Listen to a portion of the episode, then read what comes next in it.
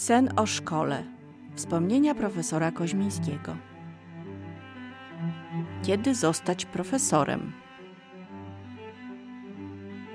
Mnie się wydaje, że jedną z głównych przyczyn naszego sukcesu to było to, że myśmy zawsze mieli u siebie sporo wybitnych badaczy.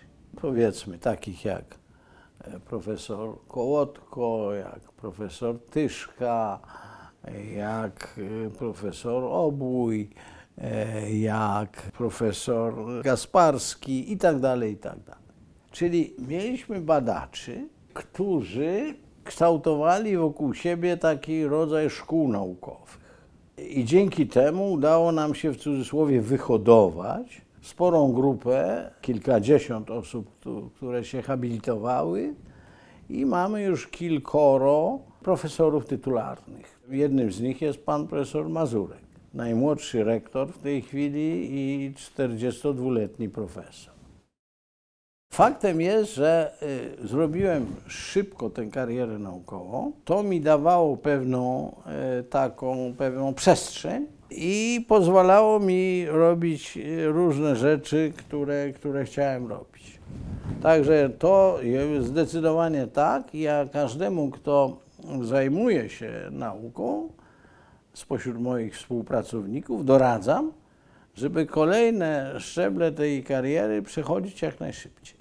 Dlatego, że dopiero wtedy, jak już masz ten papiurek od prezydenta, to wtedy możesz sobie powiedzieć: OK, teraz mogę robić co chcę. Przeważnie ludzie, którzy dochodzą do tego, już nie mają, że tak powiem, pary, żeby dalej coś ciekawego wymyślić. Za późno. I dlatego uważam, że profesorami ludzie powinni zostawać we wczesnej czterdziestce. Tak jak właśnie profesor Mazurek.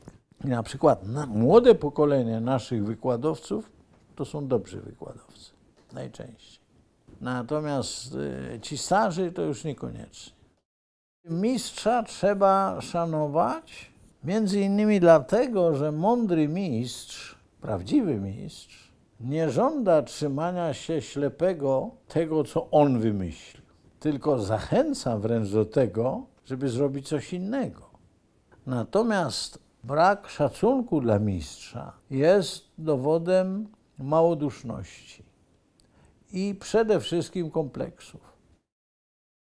Przez wiele, wiele lat przyzwyczaiłem się do tego, że ja pracowałem przede wszystkim w sobotę i w niedzielę. I cholera to mi zostało do dziś dnia, mimo że już nie muszę pracować w sobotę i w niedzielę, ale jakoś tak się składa, że wszystkie moje aktywności naukowe zawsze nabierają tempa w sobotę i w niedzielę.